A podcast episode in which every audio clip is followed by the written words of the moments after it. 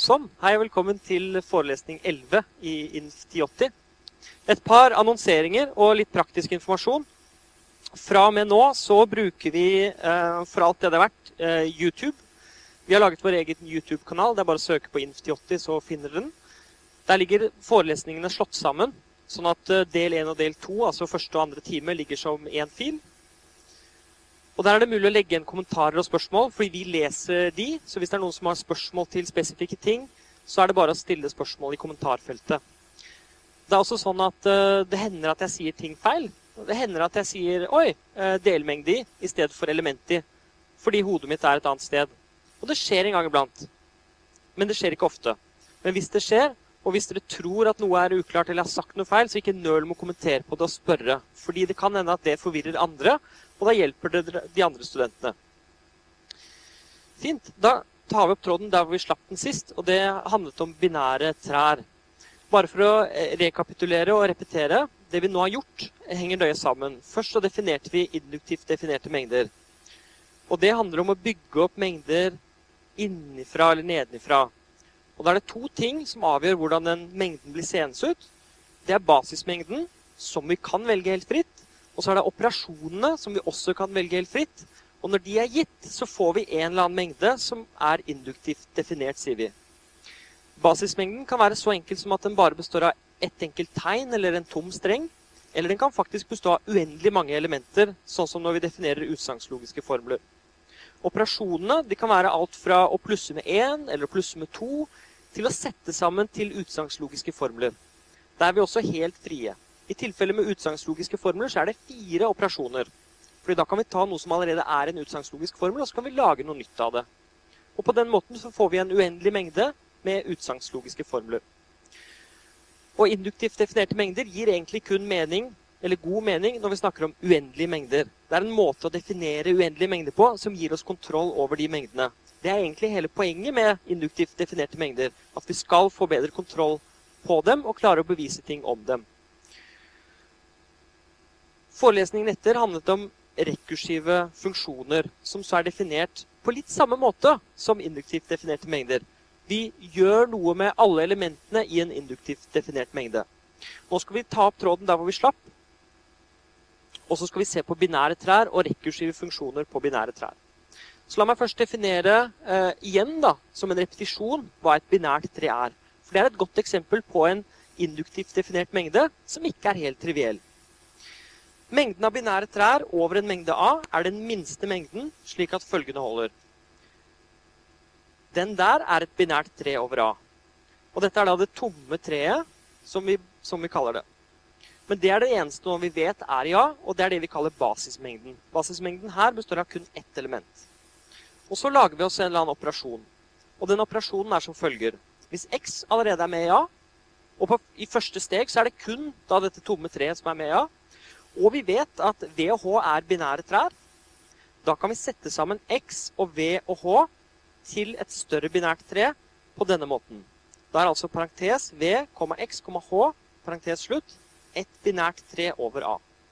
Og på den måten så vil binære trær vokse. Avhengig av hva A er, så får vi forskjellige binære trær. Hvis mengden A er de naturlige tallene, så får vi binære trær over de naturlige tallene. Hvis mengden A er mengden av bokstaver i det norske alfabetet, så får vi binære trær over det norske alfabetet, eller over bokstavene. tegnene. Vi kan også ha binære trær med binære trær inni og lister inni. og det, det, kommer helt an på hva A er. Vi kan velge A helt fritt, faktisk. Det er ingen grenser for hva A kan være. Så lenge det er en mengde. Og det er noen i gruppetimene som har spurt om eh, dette med den minste mengden. Hva det egentlig betyr. For vi har jo snakket om kardinalitet. Og vi har sammenlignet mengder med hverandre og sagt at noen mengder er mindre enn andre. Den minste mengden her er ikke i den forstanden at det handler om kardinalitet. Den minste mengden her betyr at det er en mengde som er en delmengde av alle andre med den samme egenskapen. For det er mange mengder som har den samme egenskapen. Som både inneholder det tomme treet, og som er lukket under denne egenskapen. Det er f.eks. mengden av binære her som inneholder et eller annet i tillegg. Kanskje den inneholder alle tallene i tillegg. Det er ikke den minste mengden, fordi den minste mengden det er den du får hvis du kun tar med dette. Så det er den mengden som faktisk er en delmengde av alt annet du forsøker å ha som en kandidat. En annen litt mer fancy måte å si det på, er at du kan ta snittet av absolutt alle mengdene som har denne egenskapen. Da får du den minste mengden som har denne egenskapen. Men jeg tror det at vi kan bruke intuisjonen vår om den minste, det er den som ikke inneholder noe annet enn det som trengs for å oppfylle disse kravene. Det er i den forstanden vi snakker om den minste. Så dette er altså definisjonen av uh, binære trær. Og dette er én definisjon av binære trær. Vi kunne gjort dette helt annerledes og på veldig mange andre forskjellige måter. Og noen av oppgavene i boken handler om hvordan ville du definert binære trær hvis du skulle gjort det annerledes. Så er det noen spørsmål til definisjonen. Vi har gjort dette før, men jeg tar gjerne noen oppklarende spørsmål fordi vi nå står her, eh, rett foran de rekursive funksjonene. Ja.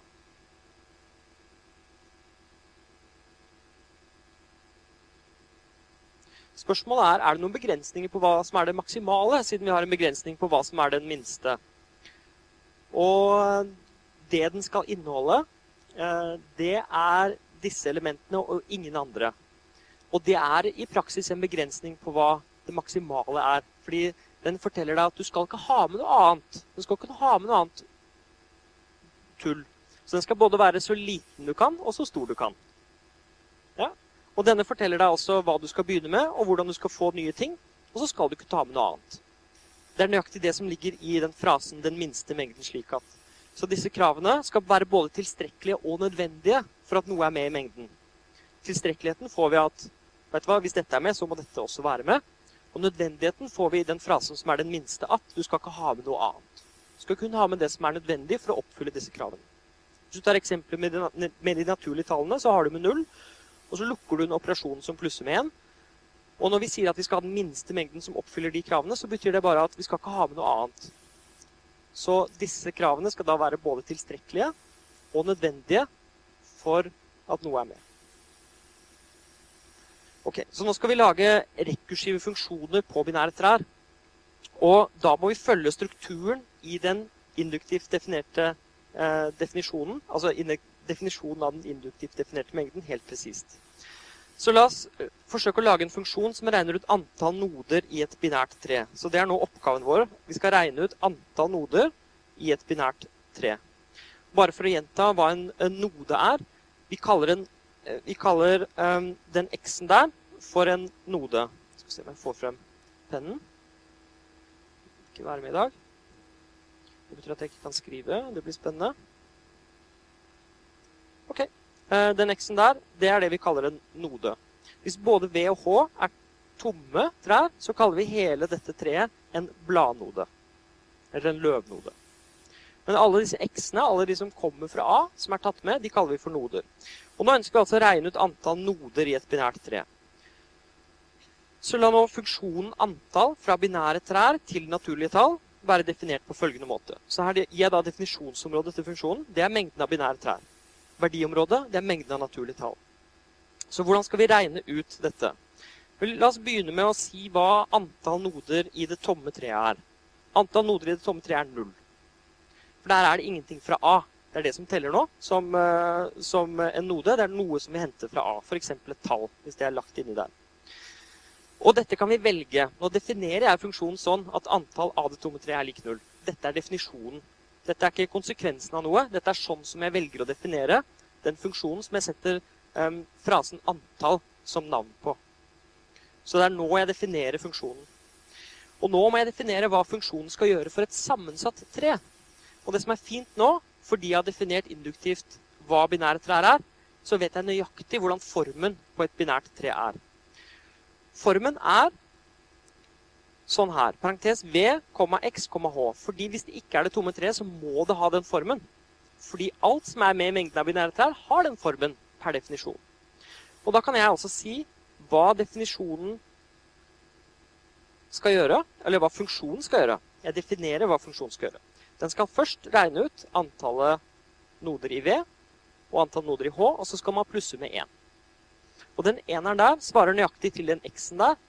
Så intuitivt så svarer dette til å vet du hva, regne ut alt som er på venstre side, alt som er på høyre side, og så plusser du med 1, og så er du ferdig. Og nå er vi ferdig med å definere funksjonen. Så disse to stegene definerer funksjonen i sin helhet. Og det som er viktig nå, er at det var ett element i basismengden, og derfor får vi ett eh, steg her i definisjonen som svarer til det. Det var kun én operasjon som vi lagde elementer via. Og derfor har vi kun ett steg her som vi kaller for to. Hvis vi hadde hatt flere operasjoner eller flere elementer i basismengden, så ville vi, få, ville vi få tilsvarende mange ledd i denne definisjonen av en rekursiv funksjon. Så det må matche hva du bruker som definisjonsområde. Og hvordan den induktivt definerte mengden er konstruert. Og la oss se på et eksempel. Hvis jeg nå tar en sånn bladnode inn, og den består av en, en node X og så to tomme trær på venstre og høyre side. Og det ser sånn ut som, som det som står der. Så hvis jeg bare bruker definisjonen helt sånn blindt, så får jeg det at det skal være antall i den tomme mengden. Nei, det tomme treet kaller vi det.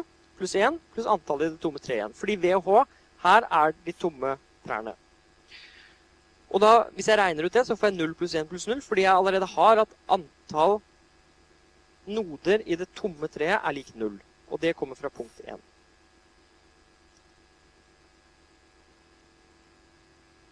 Ok? Da tar vi se på et nytt eksempel.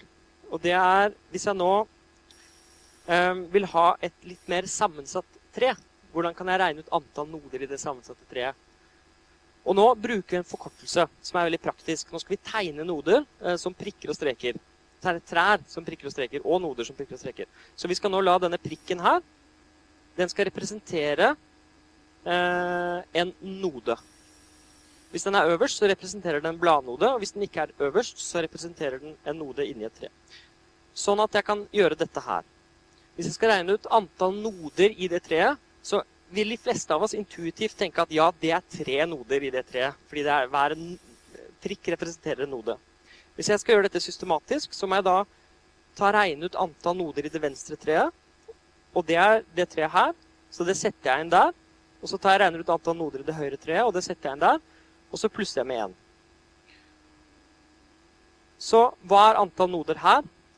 Vel, det er nøyaktig det vi regnet ut her oppe. Fordi bare den prikken uten noe, det er det samme som det treet som er som jeg streker under nå. En bladnode. Og det vet vi eh, er 1, og da får jeg 1 pluss 1 pluss 1, og det er 3. Og hvis vi ser på et litt mer sammensatt eksempel, så kan vi se på dette her. Eh, og det jeg gjør da, er å se hva er det som er på venstre side. Hva er det venstre deltreet? Det er det der. Og hva er det høyre deltreet? Det er det der. Og det funksjonen sier jeg skal gjøre, og det er nøyaktig det som står her. Det er å ta antall på venstre side, plusse med antall på høyre side, og så plusser du hele med én. Og det som skjer da, er at jeg får dette her. Så denne biten her havner her.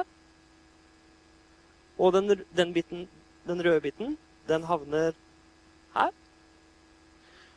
Og så må jeg plusse med én. Og nå har jeg allerede regnet ut uh, det der. Det står over, og det er likt 3. Og jeg kommer til å få 2 når jeg regner ut det. Og da får jeg 2 pluss 1 pluss 3. Og legger sammen det, så får jeg 6. Så dette her viser hvordan rekursive funksjoner fungerer. I dette tilfellet på binære trær. La oss ta enda et eksempel. La oss si at vi ønsker å regne ut høyden til et binært tre. Og høyden det er liksom hvor mange lag oppover, eh, hvis vi tegner det visuelt. Så la høyden til et binært tre være definert på følgende måte som en rekursiv funksjon, altså den kaller vi bare høyde, fra binære trær igjen til naturlige tall. Funksjonen skal gi antallet noder i den lengste grenen i det binære treet som verdi. Og igjen så vil jeg si at det tomme treet har høyde null.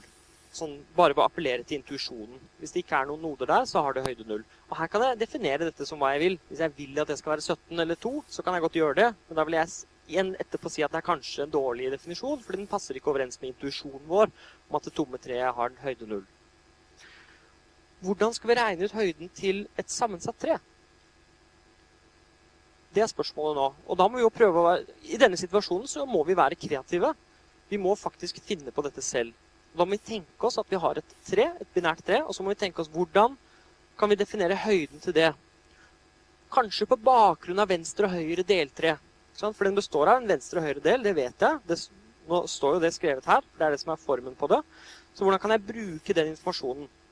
Jeg kan da regne ut høyden til det venstre treet. Jeg kan regne ut høyden til det høyre treet. Hvordan kan jeg bruke det til å lage høyden til hele? Vel, høyden til hele kommer til å være én mer enn det jeg får ut som det høyeste treet av venstre og høyre.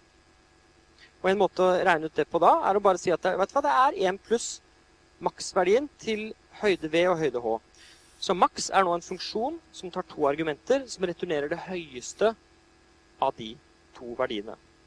Hvis begge verdiene er like, så får du den verdien ut. Så maks av 3 og 2 er 3, og maks av 3 og 3 er 3. Og da har vi igjen laget en rekursiv funksjon. Og som i forrige eksempel så får vi et høyde av en enkelt node. Det er lik 1. Og vi kan så regne ut høyden til dette binære treet på denne måten. Høyden av den blir da 1 pluss maks av høyden til venstre og høyre tre. Det blir 1 pluss maks av 1 og 1, og det er 1 pluss 1, og det er 2. Så dette er måten å lage rekursive funksjoner på binære trær på. Men da forlater vi de binære trærne, og så ser vi på formelle språk, som kanskje er en større og enklere mm, sånn eksempelbase vi kan bruke når vi skal lære oss dette. Så formelle språk, hvis vi husker det, det er altså laget fra alfabeter. Så hvis vi begynner med et eller annet alfabet Og det kan være, her inne kan det være hva som helst, og det, det som er inni her, det kaller vi for tegnene våre. Så hvis det i dette tilfellet er øh, de små bokstavene A, B og C, så kan vi nå lage oss språk over dette alfabetet. Og A stjerne er alle mulige strenger over dette alfabetet. Og da har vi med den tomme strengen, som vi betegner sånn. Vi har med alle strenger av lengde 1, som er sånn. Vi har med alle strenger av lengde 2, som begynner sånn. Egentlig så er det ikke noe rekkefølge i en mengde, så så lenge jeg skriver opp alle, så er jeg safe. Så kan jeg fortsette sånn. Og så får vi alle av lengde 3 og 4 og 5 osv. Inni den mengden så får vi ikke uendelig lange strenger. Så hvis jeg plukker ut et eller annet element her, så vil jeg ha, få et eller annet tall n, som er lengden på den strengen. Og dette er det vi mener med eh, mengden av alle strenger over et alfabet. Et eller annet språk, et eller annet konkret språk S, det er en delmengde av A stjerne. En eller annen delmengde som er kanskje litt mer interessant. Litt mer interessant enn absolutt alle strenger over det alfabetet. Så det skal vi jobbe litt med nå, og se på hvordan vi kan definere rekursive funksjoner på eh, forskjellige formelle språk. Så la oss se på et veldig enkelt eksempel. Vi definerte språket A-jente, B-A-jente som den minste mengden S. Så det er en mengde S av strenger, sånn at B er med. Tegnet B er med.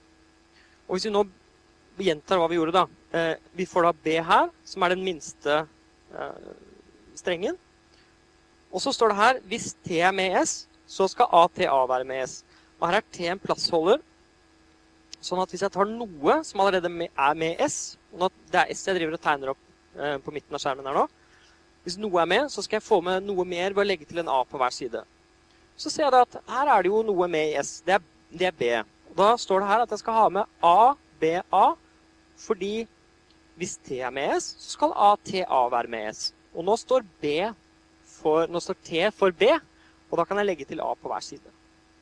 Men da har jeg fått enda et element med S, og da kan jeg legge til A på venstre og høyre side av D. Da får jeg dette. Og så jobber jeg meg utover på den måten, og så får jeg veldig mange eh, strenger. Og mengden av disse strengene kaller vi nå for S. S er mengden av alle. Og vi betegner det som A-jente, B-A-jente, for det er formatet som betegner alle strengene i den mengden S. La oss ta et spørsmål.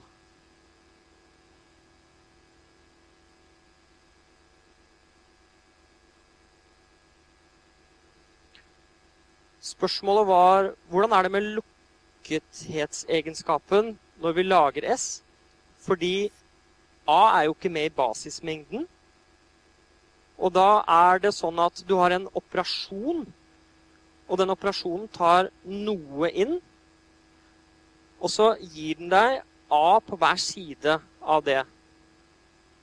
Så dette er liksom et annet symbol for denne plassholderen. Så A-ene kommer til i operasjonen og ikke i basismengden. Hvis basismengden hadde bestått av noe annet, f.eks. tallet 2, så ville vi fått øh, 2, og så har vi fått A2A, og så har vi fått AA2A, osv.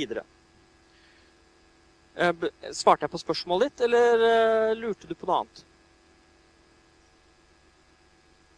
Å ja, du spør om eh, kan vi si om denne er lukket eller ikke. Hvis jeg stopper her og ikke tar med flere enn disse tre elementene her, så er ikke denne mengden lukket.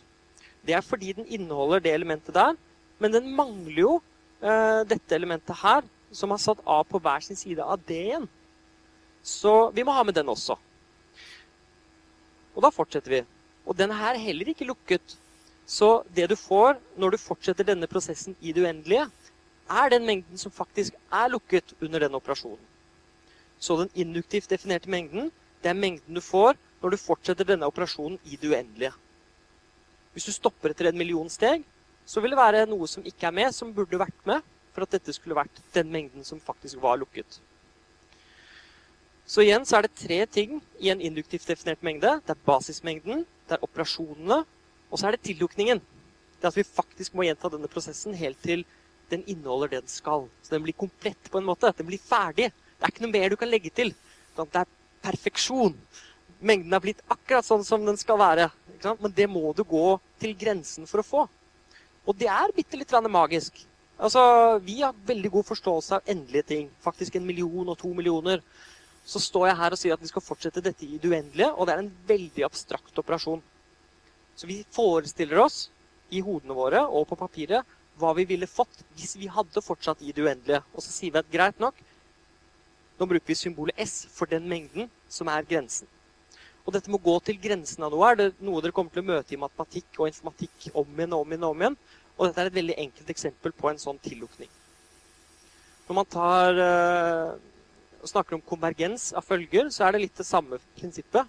Da går man også til grensen, men da får man et reelt tall eller et eller annet tall som konsekvensen av det. Her får vi en mengde i stedet for som konsekvensen av denne tillukningen. Men dette var altså definisjonen. Nå skal vi lage en rekursiv funksjon på den. Vi kan f.eks. definere en rekursiv funksjon f, som går fra s til naturlig tall. Nå må dere forestille dere at nå har dere denne mengden foran dere, den som vi kaller s. Den består av alle disse objektene som vi nå har tegnet opp, alle disse strengene.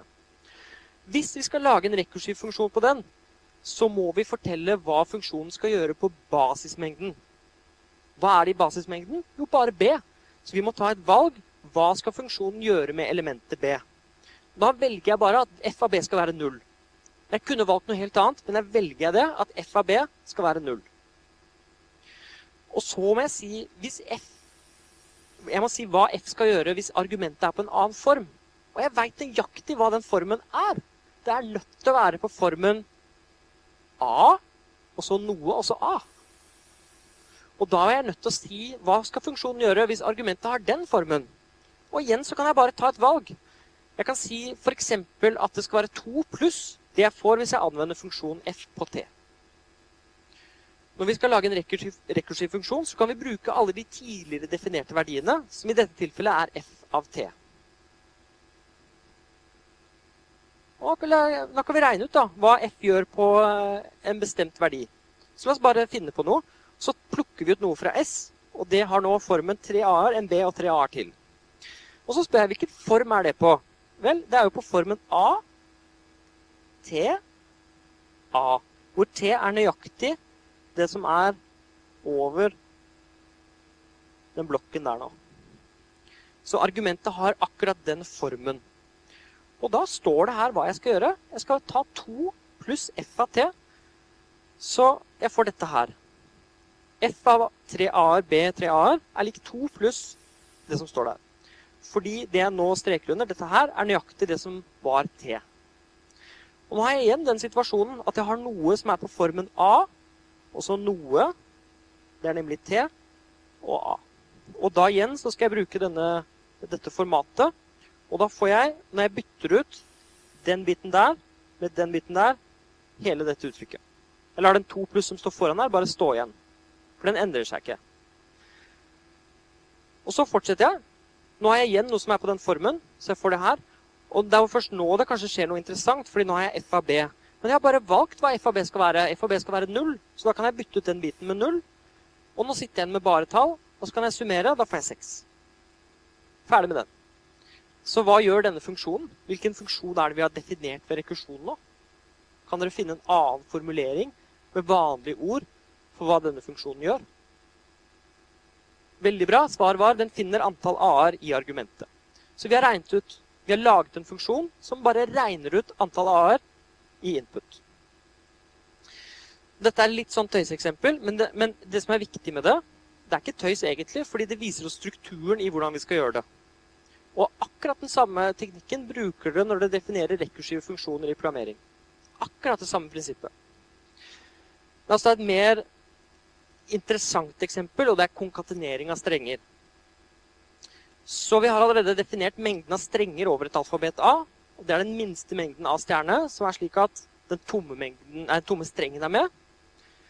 Uh, og så er det sånn at hvis vi har noe som er med, og det vi kaller S, det er plassholderen, så dette er den induktivt definerte mengden av stjerne som vi nå definerer. Vi sier at hvis S allerede er med, og X er med, er med fra alfabetet som er underliggende, så må du også ha med SX, som er S-en som du hadde fra før, og X-en som du bare legger til bak. Så hvis du har en streng A, A, B, A, B, C, så har du det allerede i S, i A stjerne, mener jeg, som en streng S. S som er med A stjerne. Og så plukker du et eller, annet, eh, en, et eller annet tegn. Kanskje du velger deg A, da. Så kan du slå sammen de, og da får du en ny streng. Da får du A, A, B, A, B, C, A som en streng. Så denne A-en her, dette er den X-en, og den kommer fra alfabetet. Dette var den induktivt definerte mengden av absolutt alle strenger. Det er bare en veldig kontrollert måte å gjøre det på. Det er en veldig sånn, egentlig sånn fiklete måte å si at ok, hvis du har en streng og du legger til et tegn, så får du en ny streng. Det er bare det det står. Det er ikke noe annet. Hvis du har en streng, så legger du til et tegn, så får du en ny streng. Og, men grunnen til at jeg gjentar det, er at når vi skal definere en rekursiv funksjon på mengden av absolutt alle strenger, så er det den strukturen vi må følge. For det er sånn strengene er definert induktivt. Så la oss gjøre det. Eh, vi kan nå definere konkatenering. Og det er bare et uh, litt sånn rart ord et fremmedord for å sette sammen. Slå sammen strenger, sette de inntil hverandre. Og det kan vi definere rekkursskift på følgende måte. Og For å gjøre det helt tydelig så skriver vi nå T prikk S med parentes rundt for konkateneringen av T og S. Men vanligvis så skriver vi bare T inntil S. Og noen sitter nå og lurer på hvorfor i alle dager må vi det? Kan vi ikke bare si det, da, at når du konkatenerer S og T, så setter vi det inntil hverandre, og så er vi ferdige? Hvorfor skal vi bry oss med dette? Og dette kommer egentlig an på hva du har av ressurser. Kanskje du lager en spesiell type struktur hvor det ikke går an å gjøre det. Du er nødt til å fortelle steg for steg hvordan du skal gjøre det. Og da er, det, da er dette en måte å gjøre det på. Dette kommer helt an på hva du har eh, av ressurser i programmeringsspråket du jobber med, eller i den matematiske verdenen du jobber med. Så dette er igjen et eksempel som lar seg generalisere til andre situasjoner. Så vi definerer nå funksjonen rekkeskift uten å gjøre noe med T. Og vi kan derfor anta at T bare er en vilkårlig streng. Så det vi skal gjøre nå, er å definere en funksjon rekurskift. Vi skal late som om T bare er en plassholder, og så skal vi se på formen til S, og hva som skjer med S. Derfor, la nå T konkatenert med den tomme strengen være lik T. Så enkelt var det. Så det, det, jeg gjør nå, er å si hva er det jeg sier, jeg definerer hva T konkatenert med S skal være avhengig av formen til S. Så del 1 er ok, hvis formen til S er den tomme strengen, da skal du returnere T. Så jeg definerer faktisk en rekursiv funksjon nå um, som tar to argumenter. Vi kan også tenke oss at det er en rekursiv funksjon som tar ett argument, og det er denne S-en. Og så ser den på formen til den S-en, og så gjør den noe med det. Mens T bare er noe som fins. Vi kan godt se for oss at vi lager én rekursiv funksjon for hver eneste T som fins. Og så kaller vi den f av T eller noe. Eller poenget er nå at T-en står stille. Og nå er vi nødt til å ta et valg. Hva hvis S har en annen form? Og Da bruker vi strukturen til den induktivt definerte mengden, og så spør vi Ikke sant? Hvis det som er på andre siden her, er noe sammensatt, så det står T satt sammen med SX.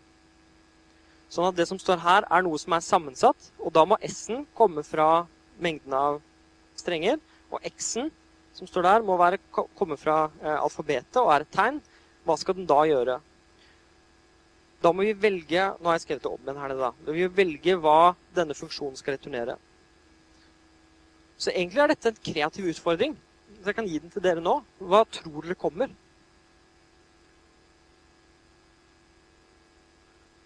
Det var en nøtt.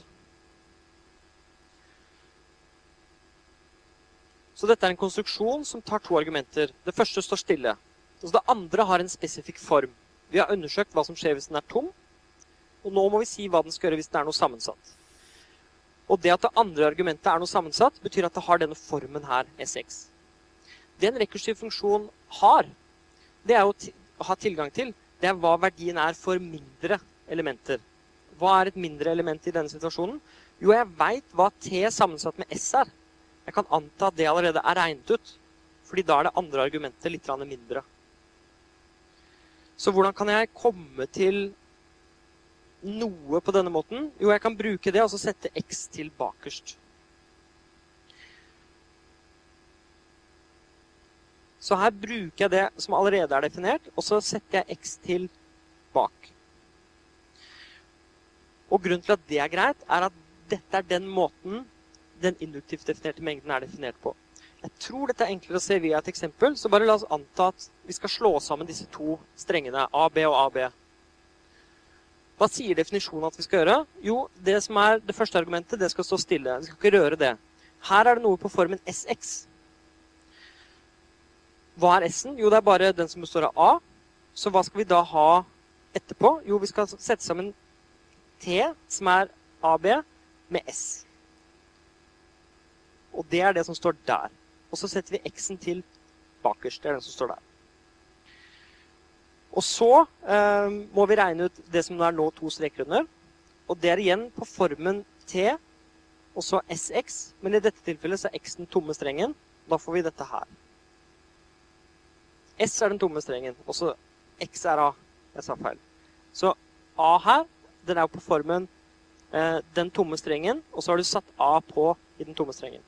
Og derfor så går Det der blir den nye S-en. Ok, så dette er, Og når du fortsetter å regne på det, så får du at AB satt sammen med den tomme strengen. Det står her. Det er bare AB. Og da får du dette ut. Dette er én måte å definere sammensetning av to strenger på rekkursskift. Igjen så er det strukturen her som er det viktige. Det er hvordan vi jobber oss innover i et eller annet matematisk objekt på bakgrunn av hvordan det er definert induktivt. Ok. Dette er det siste eksempelet vi skal gjøre på rekursive funksjoner. Så det jeg håper jeg har gjort nå, da, er å gi dere mange former for, mange former for rekursive funksjoner. Ved å definere induktivt definerte mengder på tall, på lister binære trær og strenger, så håper jeg dere ser en underliggende struktur. Og det er at det er en sammenheng mellom hvordan en mengde er definert induktivt, og hvordan vi definerer den rekursive funksjonen oppå den mengden. Vi har også gjort dette for utsagnslogiske formler. Er det noen spørsmål til det nå, før vi går videre? Jeg kan nevne én ting til, og det er eh, at det er en sammenheng mellom rekursjon og programmering. Vi, bruker rekursjon veldig ofte når vi programmerer. Og dette er noe dere ikke skal lære i år, men det kommer senere. Og da kan dere ha dette dere har lært nå i bakhodet. Og det, Grunnen til at dette fungerer så bra, er at det er en form for sånn splitt og hersk-teknikk. Vil si du får en struktur, og så deler du den i to eller, eller, noen biter. Og så jobber du med de bitene uavhengig av hverandre, og så slår du sammen det etterpå til et resultat. Så det er en effektiv måte å dele opp et problem i mindre problemer på, og så sette sammen løsningen på de. Og det kan potensielt være supereffektivt å gjøre. Fordi hvis du halverer noe mange ganger på rad, så går du veldig fort ned i størrelse. Er dere enig i det? Og det betyr også at det, hvis du programmerer riktig, så kan du programmere veldig effektivt. Dette er et eksempel på hvordan fakultetsfunksjonen ser ut i et funksjonelt programmeringsspråk. Og da definerer man fakultet av x. Dette er en funksjon som sier at to fakultet er lik to ganger én. Fire fakultet er lik tre Hvor kom det fra? Fire ganger tre ganger to ganger 1. Eh, og her eh, sier vi at hvis x er lik null, så skal du returnere 1. Fordi én fakultet er lik én.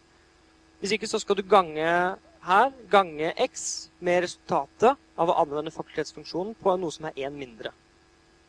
Så jobber man seg videre, og så får man da eh, fakultetsfunksjonen som svar. Så dette er en måte å definere fakultet på rekursivt i programmeringsspråket Scheme.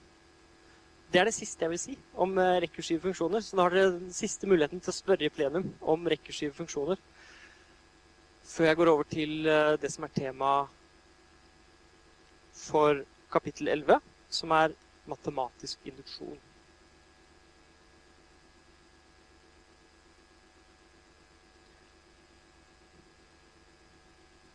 Ingen spørsmål? Er dere helt sikre på at det ikke er noen spørsmål?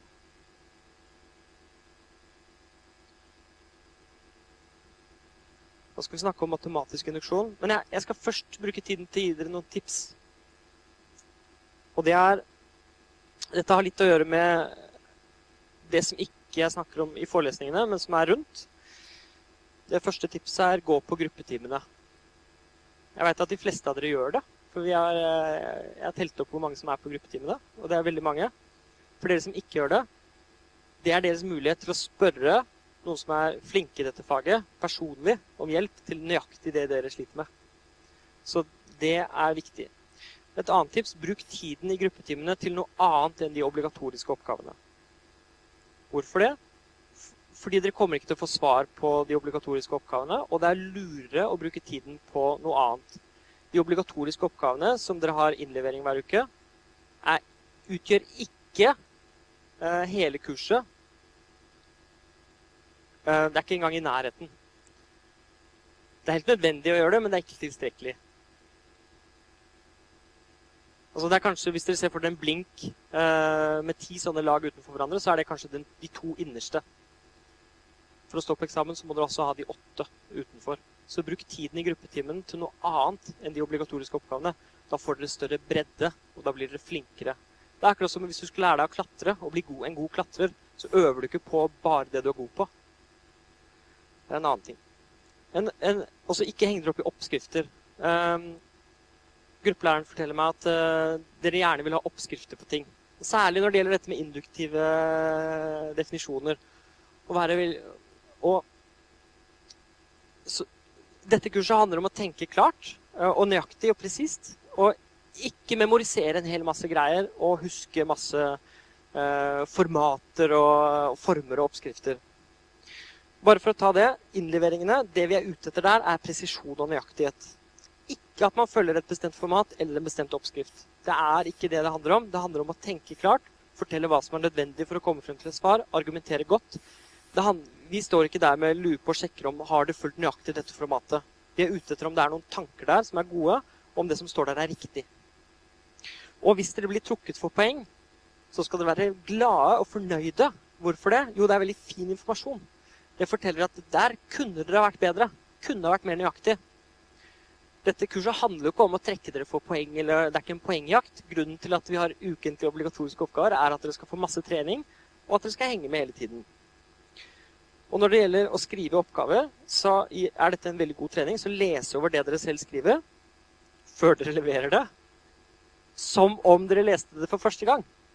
Og dette er noe som gjelder helt generelt. Hvis dere ikke klarer det, prøv å få noen andre til å lese det og se om det gir mening. Så man må være overbevisende i det man skriver, um, og man må gjøre det klart og tydelig, det man skriver. Så let etter måter å være enda mer nøyaktig på etter at dere har skrevet noe ferdig. Når dere har skrevet noe, se på det med litt sånn kritisk blikk. Vær liksom deres eh, egen verste fiende, eller djevelens advokat, og så tenk hva er det en potensiell kranglefant uh, kan henge seg opp i her? Eller en som ikke er enig. Ikke um, hva er det man potensielt kan henge seg opp i, som jeg kan um, fylle igjen før den kritikken kommer? Og Det er ganske vanskelig å lese sin egen tekst på den måten, men forsøk det. Forsøk å se dette fra utsiden som om det er noen andre som leser det, og se om, tenk over er det faktisk forståelig. Og hvis det ikke er det, fyll inn disse hullene. Og så Noen spør hva er det som trengs for å vise noe. Vi snakker mye om 'vis dette', 'forklar dette', 'bevis dette'. Jeg har lyst til å slutte av denne første timen med å komme med to sånne analogier. og Den ene er med matlaging. Eh, hvis dere skal uh, fortelle en venn uh, hvordan denne vennen skal lage ostekake, f.eks., så er det flere måter å gjøre det på. La oss si du sender listen over ingredienser. da. Det er alt. Hvis du sender det til meg, så kommer jeg sannsynligvis ikke til å klare å lage ostekake. For jeg veit ikke hvilken rekkefølge det skal legges i. Jeg vet ikke tiden det skal være i ovnen. Jeg vet ingenting. Så jeg må ha mer presise instruksjoner. Hvis du sender de instruksjonene til en sånn sjefskokk, en som har masse erfaring med å lage mat, så kanskje det er tilstrekkelig. Når vi sender bevis til hverandre eller innleveringsoppgaver til gruppelæreren, så må vi ha dette i bakhodet. Fordi du skal skrive til noen som er på ditt nivå, eller kanskje litt under. Du skal gjøre dette forståelig for nesten hvem som helst, og da er det ikke, da er det ikke tilstrekkelig å sende et bilde av ostekaka. ikke sant? Og Det kan være sannhetsverditabellen som dere har laget. Det er ikke nok å sende det bildet av den. Dere er nødt til å forklare hva er stegene som gjør at dette her går opp. Hvorfor har jeg nå vist at det som står i oppgaven, er sant? Tenk på matlaging. Tenk på at dere skal sende en veldig detaljert oppskrift for å lage en fin rett. Og forestiller deg at det skal smake godt når, når vedkommende får den. Og Den andre analogien er med, er med programmering. Altså Hvis dere skal lage et dataprogram, så er dere faktisk nødt til å være veldig presise. Dere er nødt til å lage det programmet sånn at det tåler all mulig slags input, og det faktisk gjør det det skal. Og det er to egenskaper som er viktige med programmer. Det ene er at det faktisk kjører. Og det andre er at det er lesbart. At det er godt kommentert. Og sånn er det her også. Beviset dere leverer, forklaringen dere gir, skal være korrekt. Det er det ene. Og det skal også være lesbart og forståelig. Det er det andre. Og det er ikke nødvendigvis noen korrelasjon der. Det kan godt hende at det er et veldig korrekt bevis, og så er det ikke lesbart i det hele tatt. Det kan også være utrolig godt lesbart. Det er som den verste novellen, og så er det feil. Så pass på at dere har begge de tingene på plass. Da er vi nødt til å ha litt pause. Så fortsetter vi om et kvarter. Fint. Da fortsetter vi. Og da er vi over på et nytt tema. Og det er matematisk induksjon, eller det vi kaller induksjonsbevis. Nå skal vi glemme induktivt definerte mengder og rekursive funksjoner bitte lite grann. Og så skal vi snakke om en veldig vanlig måte å bevise noe på eh, når det gjelder naturlige tall. Neste forelesning kommer til å handle om strukturell induksjon, som er en generalisering av denne teknikken, men da for induktivt definerte mengder helt generelt. Og Da er det viktig at dere kan det, og at det sitter. Og Så er det noe som gjelder for disse fire kapitlene, og det er at det går ikke an å lære seg det uten å gjøre det. Det er helt, vil jeg påstå, umulig å lære seg dette uten å faktisk gjøre det. Jeg har møtt mange studenter som kommer og sier du, jeg skjønner ikke dette her. Og så er det helt åpenbart at vedkommende aldri har forsøkt. Og aldri forsøkt å gjøre det selv. Så igjen en oppmuntring til å eh, øve selv. Lukke boka, se hva dere klarer å huske uten hjelp. Så det vi skal lære nå, er matematisk induksjon. Det er en kraftig og nyttig bevismetode for påstander om naturlige tall. Du skal få se mange eksempler på bruk av induksjonsbevis og lære om hvordan rekursive funksjoner og induksjonsbevis er relatert til hverandre. Vi skal også snakke om det matematiske spillet Hanois tårn, og hvordan dette kan analyseres ved hjelp av rekursive funksjoner og induksjonsbevis. Det er ikke helt sant at vi kan glemme de rekursive funksjonene, eh, for de er ganske nøye flettet inn i dette som har med induksjonsbevis. La oss begynne med et matematisk eksperiment. La oss bare legge sammen etterfølgende oddetall og se hva vi får. 1 er lik 1. Hvis jeg nå legger til det neste oddetallet, så får jeg 4. Hvis jeg legger til 5, som er det neste oddetallet, så får jeg 9. Fordi 1 pluss 3 pluss 5 er 9. Hvis jeg legger til 7, så får jeg 16. Fordi 1 pluss 3 pluss 5 pluss 7 er lik 16.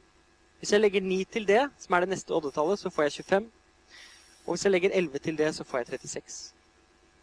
Og Hvis vi kun ser på den eh, diagonalen nedover nå, 1, 4, 9, 16, 25, 36, så er det mange som kjenner igjen de tallene.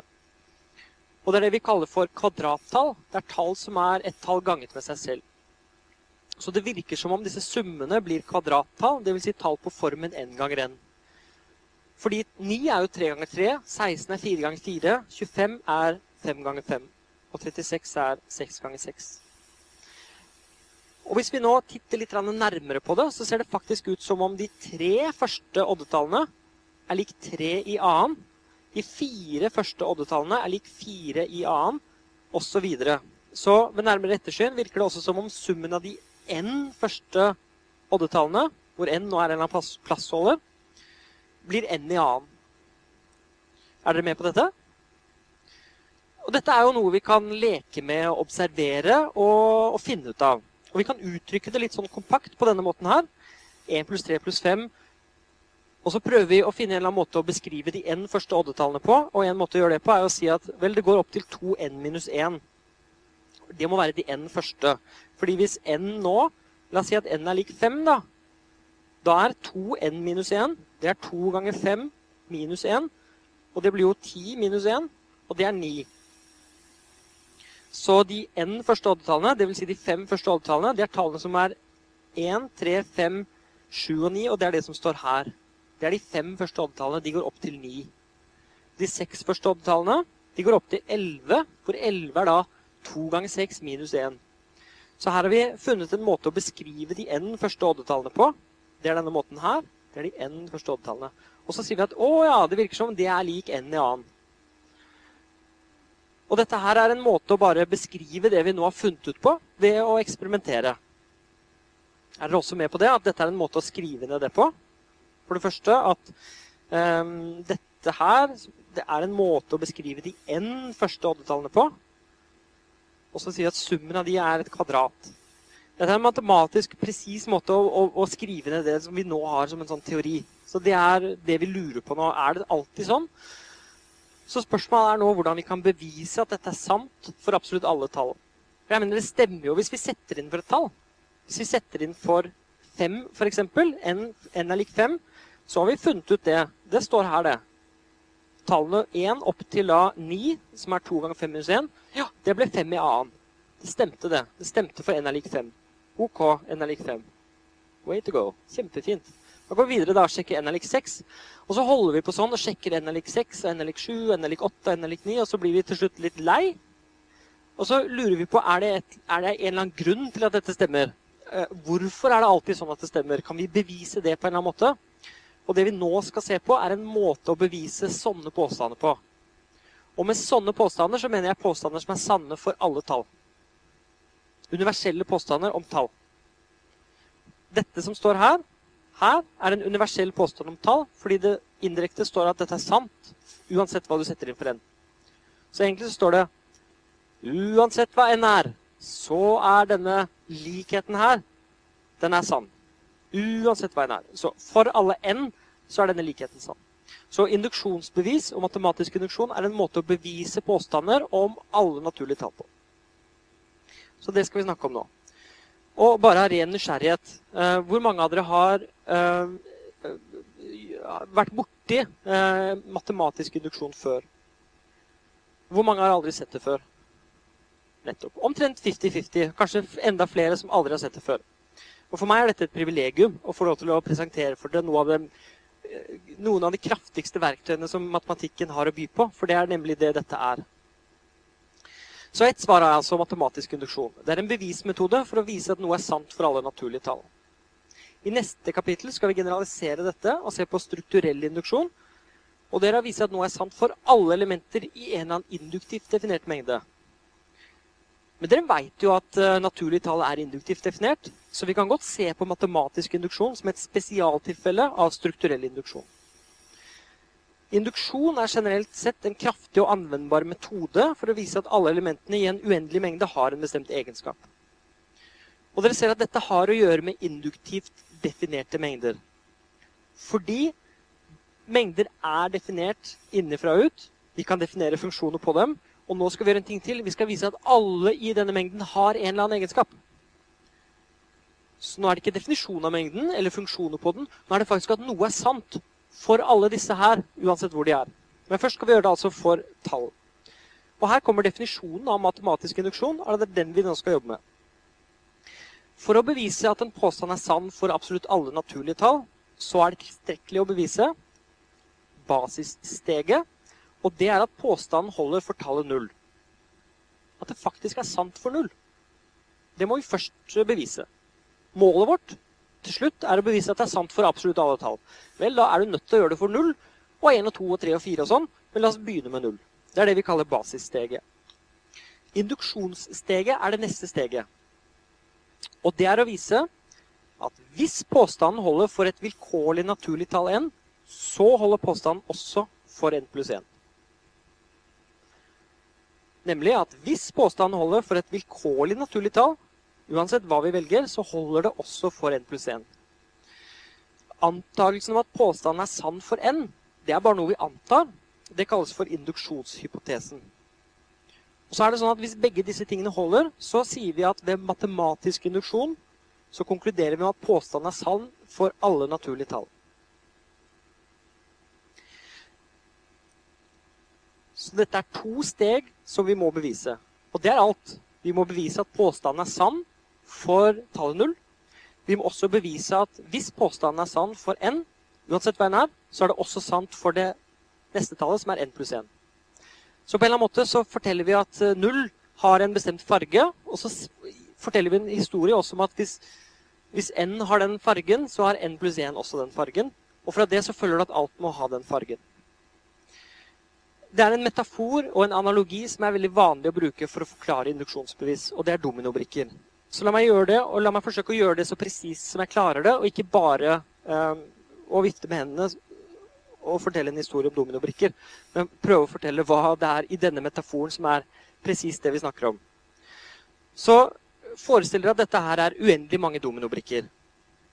Og nå vi la opp DN betyr bety at dominobrikke N faller. Så DN er bare en forkortelse for setningen dominobrikke N faller. Og det jeg gjerne vil ha med dere på nå, det er følgende. Hvis vi antar det vi kaller basissteget, det er at dominobrikke 0 faller, nemlig at D0 er sann. Så dette her symboliserer D0, nemlig at dominobrikke 0 faller. Og det er det vi kaller basissteget. Og vi antar at hvis én dominobrikke faller, så medfører det at neste også faller. Og dette her kan jeg symbolisere med at hvis DN det, vil si at dominobrikke N faller. Det er det som vi symboliserer med den biten der. Så Dette er faktisk da en sånn pil som vi har lært i utsagnslogikk. Så vil dominobrikke N pluss 1 også falle. Uansett hva vi velger for en, så uansett hvor vi er, så vil det neste også falle. Da påstår jeg at alle vil falle. Dette er det vi kaller induksjonssteget.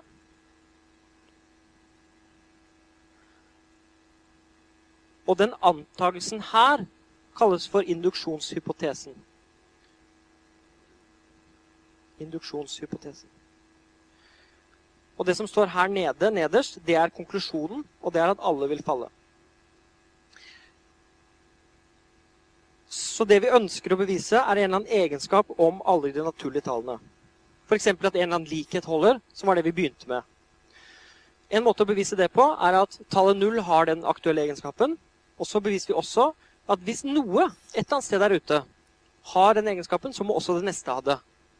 Og det gjør at ting forplanter seg. Denne um, egenskapen, eller det at noe har en bestemt egenskap, vil spre seg utover, og til slutt så kan vi konkludere med at ja, da må alt ha den egenskapen. For vi kan nå tenke oss at um, dominobrikke 0 faller, og da vil dette her gi oss at dominobrikke 1 faller og dominobrikke 1 faller, vil sammen med det som står her, gi oss at dominobrikke 2 faller. Fordi det som jeg nå ringer rundt, det er denne overgangen. Det er noe som forteller oss at hvis noe faller, så vil også det neste falle. Dette er en metafor for å forklare eh, strukturen i et matematisk induksjonsbevis. Og det vi nå skal gjøre, er å gjøre det enda mer presist og gi konkrete eksempler på hvordan vi bruker denne metoden for å bevise noe jeg tar godt spørsmål underveis, og da er det bare å rekke opp en hånd, så tar vi det deretter. Um, hvis det er noe som kan være opp, oppklarende i plenum, så tar vi det. Da er det bare å rekke opp en hånd. Så hvis P står for en påstand, så er det veldig vanlig å skrive P av X for å indikere at X forekommer i P, sånn som vi gjorde nå. Vi lot DN stå for at dominobrikke N faller, men generelt da, så bruker vi gjerne en, et, en, en bokstav og en parentes og så noe inni for å indikere at noe forekommer i noe annet. Og da fungerer den x-en som en plassholder, og det gjør det enkelt å bytte ut det med noe annet. F.eks. hvis x um, er et tall, så kan px være påstanden x pluss x er lik 2x. Sånn, da er px, som er her, en forkortelse for det som står i anførselstegn der. Og det gjør at da vil P5 er det jeg får hvis jeg ved å bytte ut X med 5 og 5 og 5. Dette virker kanskje litt banalt, men uh, da får jeg altså 5 pluss 5 er lik uh, 2 ganger 5. Bare, det er bare en kommentar for at, at vi bruker gjerne sånne um, symboler som det for å si at vet du hva, dette er en ekstern plassholder. og Når vi setter inn noe for X, så blir dette et eller annet. Det brukes om igjen og om igjen i det vi nå skal gjøre. Vi skal nå bevise en påstand for alle naturlige tall, og da er det typisk så bruker vi px for å snakke om den påstanden. Og så bytter vi ut x med naturlige tall for å vise at den holder. Så noen ting som altså er verdt å merke seg. Et induksjonsbevis består av to steg, et basissteg og et induksjonssteg. Og med notasjonen over så kan vi skrive disse to stegene sånn. Basissteget det er at P0 er sann. Og induksjonssteget er at P1 impliserer P1 pluss 1. Er sann for alle naturlige tall n. Da, nå står P av N, eller PN, for en eller annen påstand hvor N er en eller annen plassholder. Og det, er at N, bare, det kan være at N er lik eh, noe. Og hvis disse to punktene er oppfylt, så må påstanden være sann for alle naturlige tall. Det jeg vil nå, er at du skal overbevise deg om at dette er sant. Fordi hvordan skulle det være mulig at disse to punktene er oppfylt uten at påstanden er sann for alle naturlige tall. Min utfordring til dere er nå Anta at P0 er sann. Dvs. Si at en påstand er sann for tallet 0. Og så vet du i tillegg at hvis noe er sant for et eller annet tall n, så er det også sant for det neste tallet n pluss 1. Hvis du, de to tingene holder, som er da det vi kaller basissteget og induksjonssteget, må det ikke da være sånn at denne påstanden er sann for absolutt alle naturlige tall? Kan dere klare å forestille dere et univers hvor de to tingene er sanne, men så er ikke denne påstanden sann allikevel for alle naturlige tall? Det er min utfordring til dere. Ok, kanskje den ikke er sann for to millioner, er det noen som sier. Kan? Hvordan skulle det ha vært da? Hvordan skulle universet ha sett ut da? Da måtte påstanden ha vært sann for null. Og så har vi denne overgangen. At hvis den er sann for n, uansett hva n er, så er den også sann for n pluss 1. Og da jobber vi oss fra null opp til 1. Det gikk fint, fordi vi har overgangen n til n pluss 1. Og så jobber vi oss fra 1 til 2, 2 til 3, 2 til 4, og så kommer vi til 2 millioner. Og så sier vi at nei, det var sann for 2 millioner også, gitt. Å ja. Kanskje det ikke er 2 millioner, kanskje det er 2 milliarder, da. Men vi kan jobbe oss dit også. Så poenget er at hvis disse to tingene er sanne, basissteget og induksjonssteget, så må påstanden være sann for absolutt alle tall. Og alt dette kan jeg si faktisk uten at vi har sett et induksjonsbevis ennå. Men, eh, men, vi kommer veldig snart til eksemplene. Så det å vise at hvis Pn impliserer Pn pluss 1, faktisk er sann for alle n, det er et lite kunststykke. Og det er det samme som å vise at hvis Pn er sann for en vilkårlig n, igjen dette ordet vilkårlig, så er også Pn pluss 1 sann. Og nå er det viktig å merke seg en ting. Vi antar ikke at Pn er sann for alle n. Nå er det noen som blir forvirret. Er det ikke det du sa, da? Nei, vi antar ikke at P1 er sann for alle n, fordi det er det vi konkluderer med helt til slutt. Vi antar at P1 er sann for én n et eller annet sted. Kanskje det er 40. Eh, Men vi, vi bare plukker ut en plassholder, og så antar vi at den er sann. Og fra den antakelsen så skal det neste være sann. Det skal nemlig være slik at P1 pluss 1 er sann under den antakelsen. Så vi antar ikke at P1 er sann for absolutt alle n. Da er vi jo ferdige. Det er det vi skal frem til. Det er det som er målet. Vi skal anta at den er sann for et eller annet sted.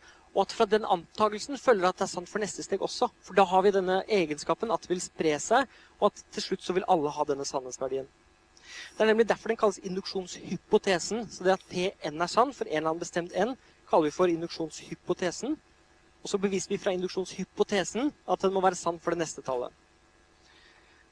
Og dette, altså Legg merke til at matematisk induksjon dette følger nøyaktig strukturen til hvordan naturlige tall er induktivt definert. Og Det er alltid universelle påstander som bevises ved induksjon. I dette tilfellet så er det slik at for alle naturlige tall 1 så holder påstanden. Og påstanden det er snakk om, kan være veldig sammensatt. Og Det lønner seg å vende tilbake til den og sjekke nøyaktig hva den sier. Det hender også at hvis påstanden vi beviser ved induksjon, ikke passer eller gjelder for tallet 0, så kan vi begynne på tallet 1 og snakke om positive heltall i stedet for. Og da vil påstanden vi til slutt beviser, holde for alle positive heltall, men metoden er akkurat lik.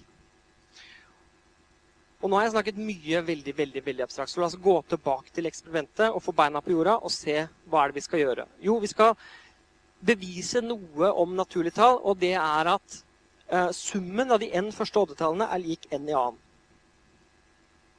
Og det er det som nå er p av n. Så vi bruker pn som en forkortelse for den likheten som står der. Og det som er fint nå, er at hvis jeg setter inn noe for n, så får jeg en helt konkret påstand der for et eller annet konkret tall n. Men nå er det viktig at jeg har med meg alle på dette. Fordi eh, det er nå det skjer. Det er nå det induktive beviset kommer. Vi skal nemlig bevise i dag, her og nå, at det som står der, den likheten der, den er sann for alle naturlige tall.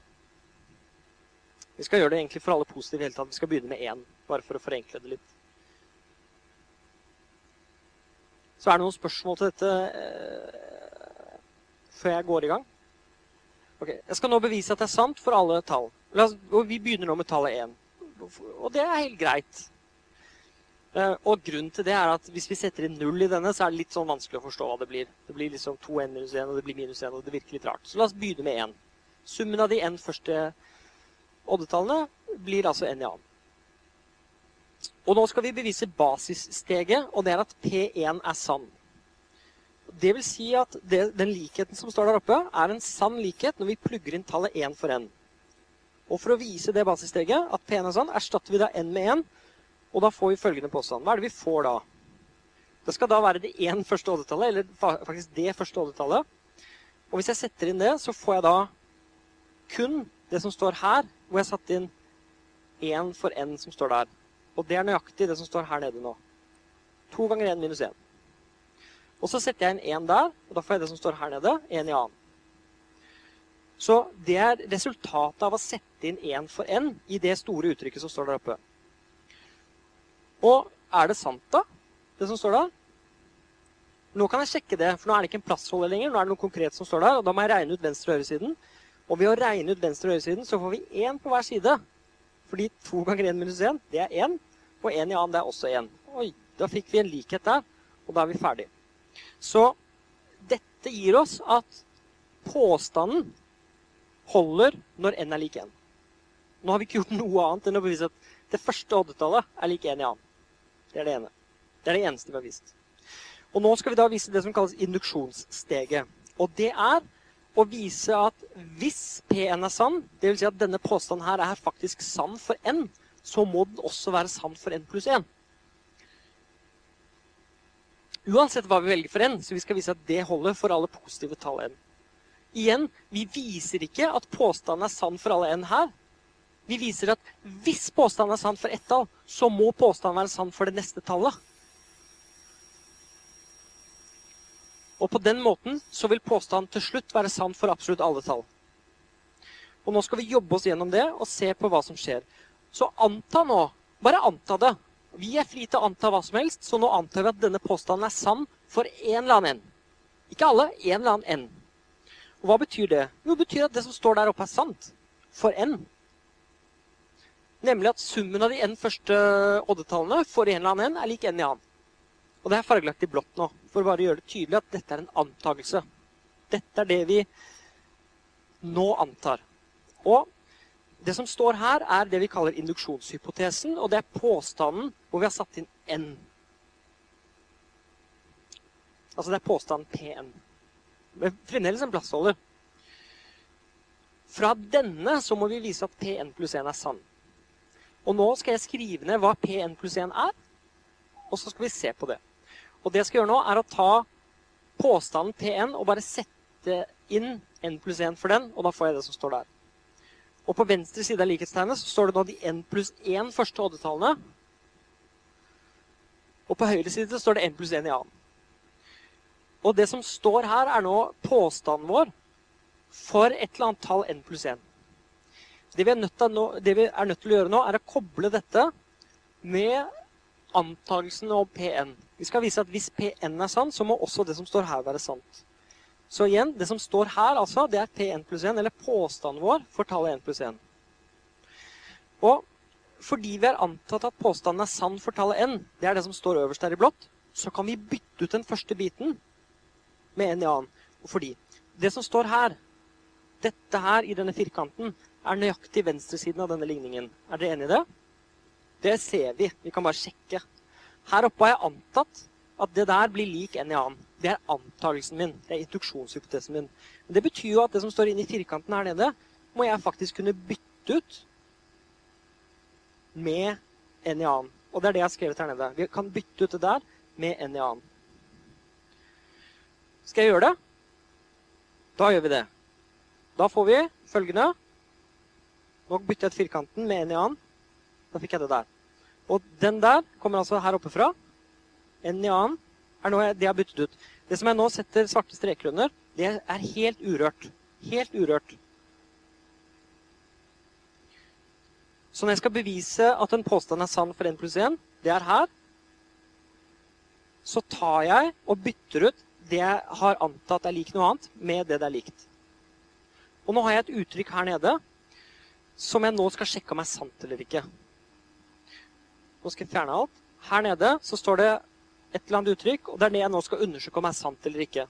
Og der står det n i annen pluss 2n pluss 1 er lik n pluss 1 opphevd i annen. Og nå skal ikke jeg gjøre dette til et kurs i algebra, men det som står der nede, er sant. Og det kan vi gjøre ved å regne det ut. Vi kan regne ut n pluss 1 i annen, det som står der, for det er lik per definisjon n pluss 1 ganget med n pluss 1. Og når jeg ganger sånne plussuttrykk med hverandre, så får jeg n i annen flere ganger den med den, pluss n flere ganger den med den, pluss n flere ganger den med den, pluss 1. Og når jeg legger sammen disse to n-ene, så får jeg 2n, og da får jeg nøyaktig det som sto på venstresiden der. Så ved ren regning så får jeg at det faktisk ble sant. Så hvis vi regner ut høyresiden, så får vi at venstre og høyresiden faktisk er helt like. Vi kan nå konkludere med at påstanden vår holder for 1 pluss 1. Vi har altså bevist at hvis påstanden er sann for n, dvs. Si at P1 er sann, så må P1 pluss 1 også være sann. Det som sto i blått på forrige siden, var det vi antok. Det bare, vi bare antok det. Og så fra den antakelsen så fulgte det faktisk logisk og matematisk at påstanden måtte være sann for n pluss 1. Og da kan vi si ved matematisk induksjon at påstanden er sann for absolutt alle heltall. Og nå har vi faktisk bevist for all fremtid og med 100% sikkerhet at summen av de n første tallene er et kvadrattall. Ikke bare hvilket som helst kvadrattall, vi har faktisk bevist at det er n i annen. Hvis du tar n etterfølgende oddetall, så får du et kvadrattall. Et spørsmål.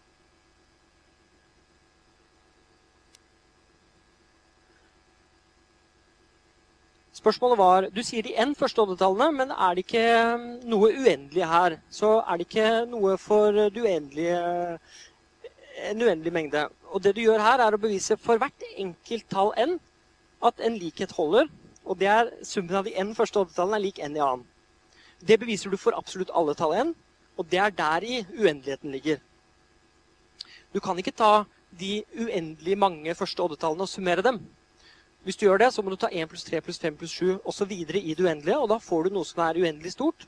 Og da skal du vise at det er uendelig oppi det annet. Og da er du inne i en annen form for matematikk som egentlig er veldig gøy, men ikke tema for denne konteksten. Så hvert enkelt sånn uttrykk som du faktisk beviser er sant, det er endelig stort. Men de vokser og vokser og vokser i størrelse. Det vi nå må se, og jeg er forpliktet til å vise dere dette, det er en annen måte å se på dette på.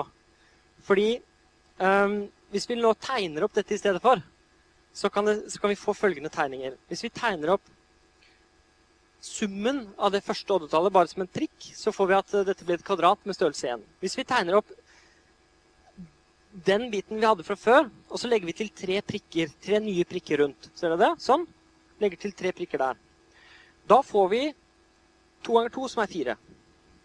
Hvis vi nå tar det og legger til Vi tar denne biten som, allerede, som vi allerede har. Dette er et kvadrat. Og så legger vi til oddetall mange prikker rundt. Vi legger til fem nye prikker rundt her. Da får vi jo et nytt kvadrat, og det er tre ganger tre stort. Å, så gøy! Da har vi jo et kvadrat som er tre ganger tre stort. Hvis vi nå legger til sju prikker rundt det kvadratet, da har vi allerede et kvadrat her som er tre ganger tre stort, så legger vi til sju prikker rundt. Da får vi 1, 2, 3, 4, 5, 6, 7. 7 prikker rundt. Da får vi et kvadrat som er 4 ganger 4. Hvis vi tar det kvadratet og legger til 9 prikker rundt, da får vi et nytt kvadrat. Ser dere hvor jeg vil med dette? Og dette er en annen måte å vise på, og faktisk bevise på, at hvis du summerer oddetall, så får du kvadrattall. Fordi her ser vi faktisk 1 pluss 3 pluss 5 pluss 7 pluss 9 prikker. Og det blir faktisk 25 prikker. Og hvis du tar 25 prikker og legger til 11 rundt, så får du 6 ganger 6 prikker. Og sånn fortsetter historien. Så disse her er nye i forhold til før. Og det dette beviset egentlig fanger inn, det er at det er denne prosessen. Hvis du allerede har en, um, en sum av oddetall, og du vet at det er et kvadrattall, så kan du legge til ett nytt oddetall. Da får du ett nytt kvadrattall. Og det betyr at hvis du fortsetter den prosessen i det uendelige, så vil du alltid ha det sånn at de n første oddetallene blir n i annen.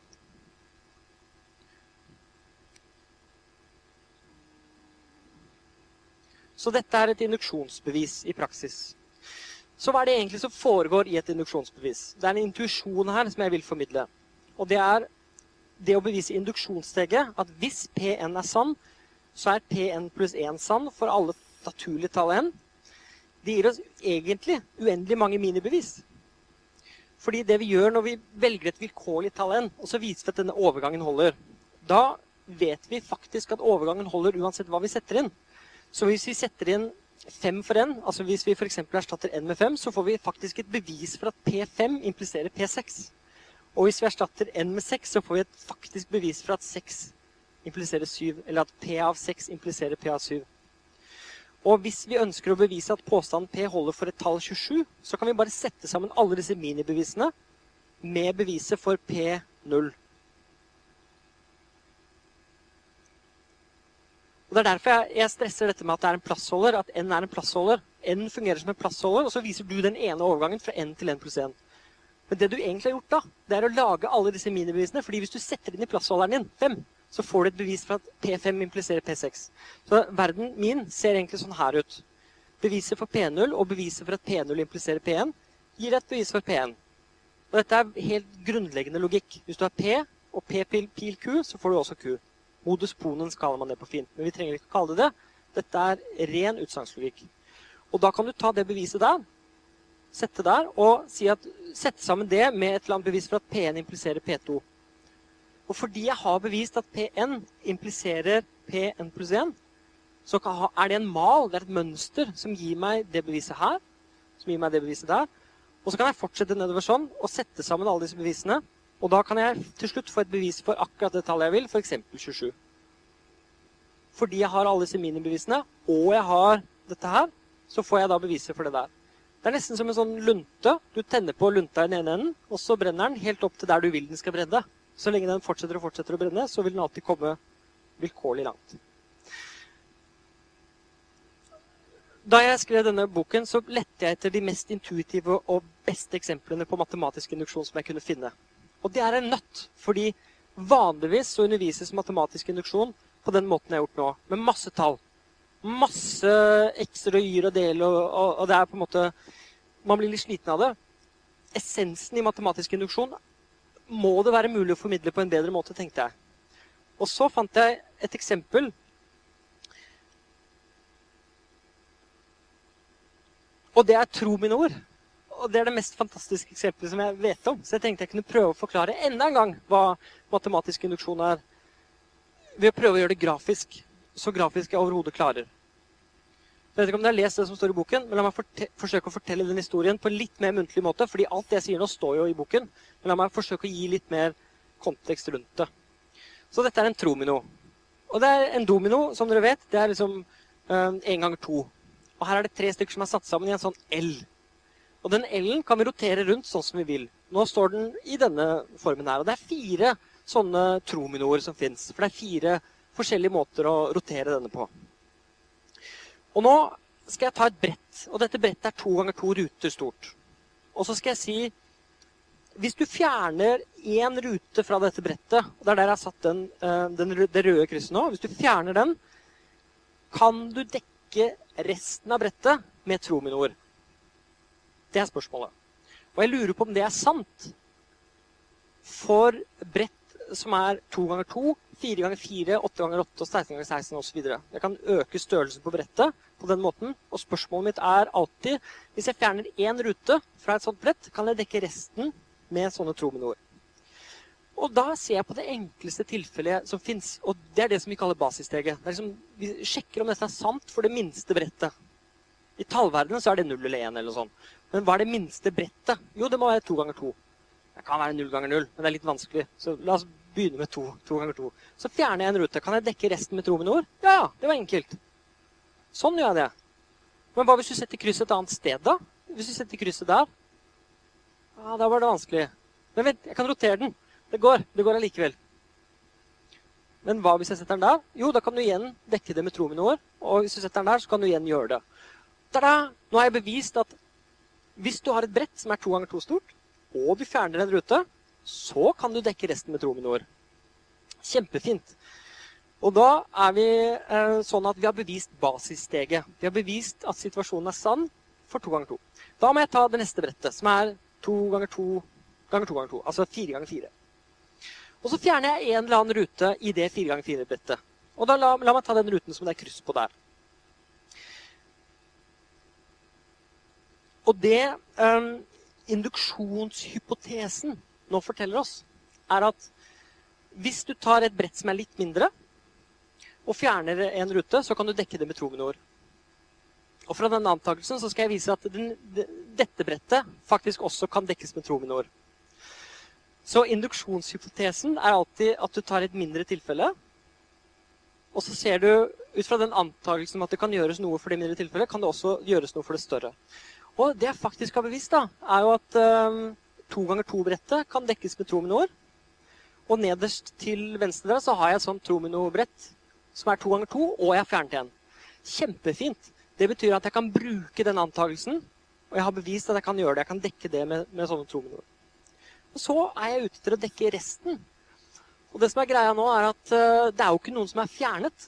Det er ikke noen uh, to ganger to rutenett hvor én rute er fjernet noe sted. Jeg har faktisk her en situasjon Skal vi se om denne funker. Der, ja, en situasjon.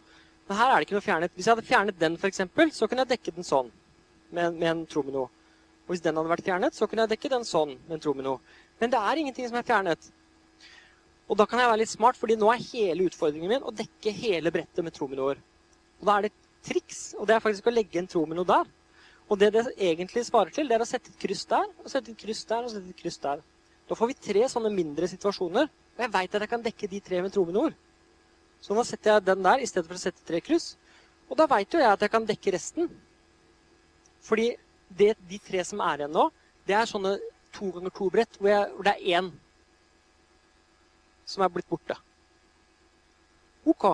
Og så spør eh, noen Men vent nå litt. Eh, dette funket fint når du satt krysset der. Hva hvis du satt krysset der?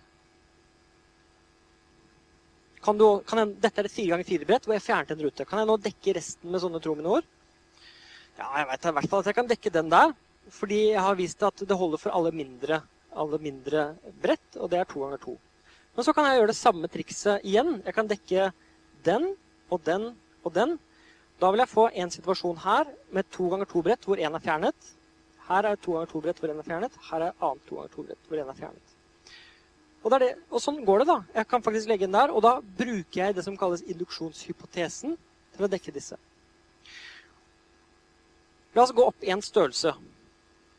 Dette her er et 8 ganger 8 rutenett hvor jeg fjernet én. Det jeg egentlig veit nå, er at hele dette 4 ganger 4 rutenettet her oppe, det kan dekkes med trominord. Vi har bevist at hvis du har et 4 ganger 4 rutenett, og du fjerner én, så kan du dekke hele. Er dere enige? Jeg, det var det jeg gjorde nettopp. Jeg gjorde 2 ganger 2, og så gjorde jeg 4 ganger 4. Og nå skal jeg gjøre 8 ganger 8. Hvordan funker det? Jo, det funker egentlig sånn at du dekker til den, og så gjør du trikset, og så dekker du til disse. Og jeg veit nå at 4 ganger 4 eh, eh, brett kan fikses, men det må fjernes en rute. Da kan jeg dekke hele. Ikke sant? Og så den situasjonen her, her er det en 4 ganger 4 rute. Hvis jeg nå fjerner én rute der, f.eks. den, så kan jeg dekke resten med trominor. Det veit jeg. Og hvis jeg har denne, så kan jeg fjerne én rute, nemlig den, og dekke resten med trominor. Og denne her er en 4 ganger 4 rute, og jeg kan fjerne én rute og dekke resten med trominor. Kjempefint. Da gjør jeg det. Da legger jeg én der, og så bam, er jeg ferdig. Og sånn er det induksjonsbevis funker. De funker sånn at du viser et basissteg, og det er at en eller annen påstand er sann for det minste objektet du har. Og så viser du også hvordan antagelsen om ett objekt kan løses, eller at påstanden holder for objektet av én størrelse, gjør at du kan løse neste størrelse. Og I vårt eksempel med tallene så gikk vi fra n til n pluss 1. Fra et eller annet tall til neste tall. Her går vi egentlig også fra n til n pluss 1, men vi, vi uttrykker det i form av brett. Hvis du tar brett av én størrelse, så kan du også løse brett av neste størrelse. Så la meg, la meg, dra dette i land med å, å gi matematisk formulering av det. Så det vi faktisk beviser, det er påstanden ethvert brett med to ganger to oppediente ganger to oppediente ruter, hvor én rute er fjernet, kan fullstendig dekkes av tromnummerikker, er sann for alle n med matematisk induksjon. Og det kan virke litt avskrekkende, det som står der oppe, men to i ente ganger to i ente. Bare se hva det egentlig er.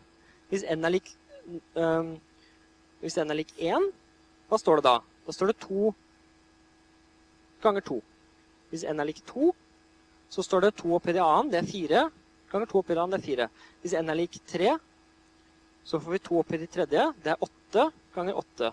Det var de tre tilfellene vi gjorde. Men det holder også for n er lik 4. Da får vi 2 oppi det 4, som er 16 ganger 16. Og så fortsetter det nedover sånn. Dere får unnskylde meg den skriften, men det er litt vanskelig å tegne med den pennen. Så hvis vi har et sånt brett og fjerner en rute, så kan vi dekke hele. Så basissteget i dette beviset er at påstanden holder for n er lik 1. Og det er fire forskjellige muligheter for brett med to ganger to ruter. Og disse har vi faktisk sjekket. Vi har gjort det manuelt. Vi tok et to ganger to rute. Nett. Brett. Nett, brett. og så fjernet vi én eh, rute, og så dekket vi resten med trominor. Induksjonssteget går ut på å vise at hvis påstanden holder for n, så holder den også for 1 pluss 1. Men det har vi akkurat vist, fordi hvis vi antar at et brett med to, ganger, to oppedente ganger to oppedente ruter, hvor én rute er fjernet, fullstendig kan dekkes med tromlebrikker Hvis vi antar det Og vi gjorde jo det, f.eks. For vi tok fire ganger fire. Eh, det var på plass. Og så viste vi åtte ganger åtte på bakgrunn av det. Så hvis vi nå antar dette, og det er det som er induksjonshypotesen, at du kan løse den mindre situasjonen, altså n, hvis vi tar et brett da, som er litt større, to opphøyd i 1 pluss 1 ganger to opphøyd i 1 pluss 1, som i vårt tilfelle var 8, så kan vi bruke det samme trikset som vi gjorde. Og ved matematisk induksjon så følger det at påstanden er sann for alle brett med så mange ruter. Og det er så viktig å ikke anta det man skal bevise her. Fordi det du skal bevise til slutt, er at en påstand er sann for alle en. Induksjonshypotesen er at det er sant for én eller annen. En. Du bare lager en plassholder, og den kaller vi for n. Og så viser du at Påstanden derfor må også holde for n pluss 1, som er det neste tallet. Og det er hele trikset. Altså Egentlig er dette sunn fornuft eh, satt i system. Um, så det dere må gjøre nå, er å øve på å gjøre induksjonsbevis selv. Og i boken så er det så enkle oppgaver som jeg egentlig kan tenke meg, eh, som er laget for at dere skal øve dere opp i dette selv. Og det er ingen annen måte å gjøre det på enn å faktisk gjøre det. Sette seg ned og prøve å gjøre f.eks. dette beviset for oddetallene selv ut fra hukommelse. La oss avslutte med et spørsmål.